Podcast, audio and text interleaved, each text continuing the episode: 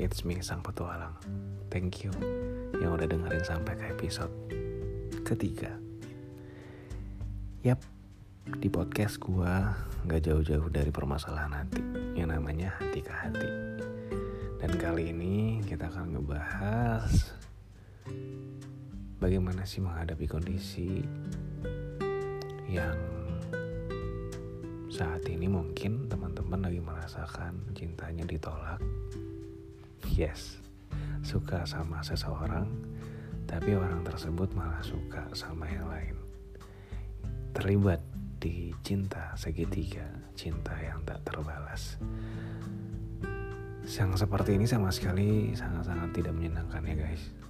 Bikin galau, bikin uring-uringan, susah makan, males ngapa-ngapain Perasaan ini yang rasa sakit ini membuat dunia berasa runtuh seketika. Benar gak sih? Bahkan dari sisi keilmuan pun membuktikan kalau penolakan yang dialami oleh saraf otak ini sama halnya dengan sakit yang dirasa oleh fisik. Yap, seseorang tidak dapat mengontrol perasaannya atau perasaan orang lain akan tetapi, kita dapat mengatasi rasa sakit karena penolakan dan move on. Banyak yang bilang sih itu mah gampang, udah kok. Tapi kenyataannya tidak segampang yang kita kira. Move on dari orang yang disukai dan memulai lagi yang baru itu butuh step yang memakan waktu yang cukup lama ya berhari-hari, berminggu-minggu, atau berbulan-bulan karena rasa sakit yang diciptakan tadi.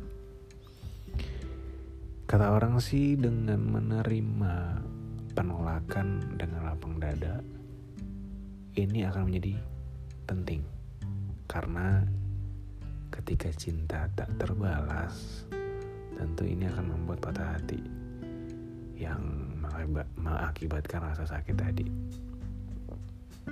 Yang terutama dari tahap ini adalah menerimanya dengan lapang dada dan menyadari bahwa kita tidak bisa mengontrol perasaan orang lain, guys. Nah, penelitian sih baru-baru ini membuktikan kalau sejumlah psikolog itu memperkirakan bahwa 98% dari setiap orang itu pernah mengalami cinta yang tak terbalas. Ya, setidaknya satu kali sepanjang hidupnya lah.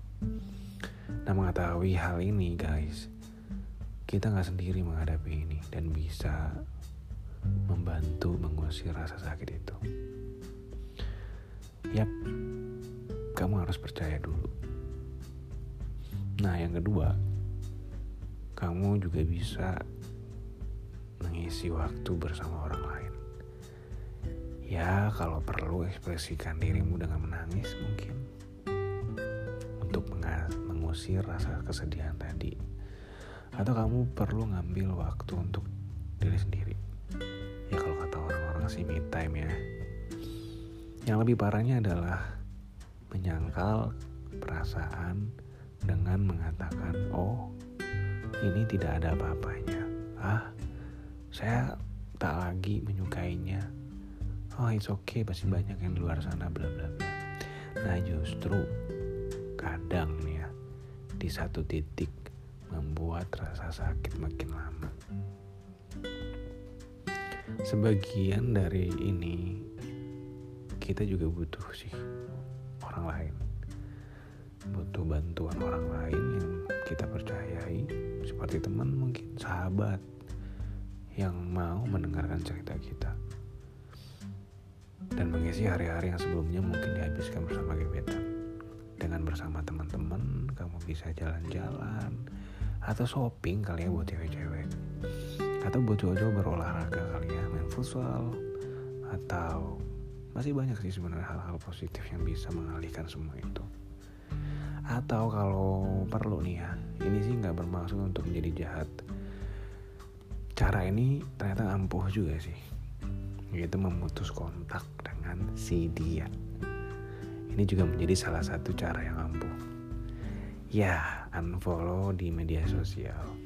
atau setidaknya hide postingan dia sehingga tidak harus terkoneksi dan melihat apa yang ia lakukan atau sedang apa bersama siapa kalau itu membuat kamu lebih better gua rasa sih tidak jadi masalah ya untuk melakukan hal-hal seperti itu ada dua poin itulah yang mungkin bisa menjadi kamu lebih better and better. Day and day every second every day every month. Itu mungkin akan lebih baik. Thank you for listening guys. See you. Bye bye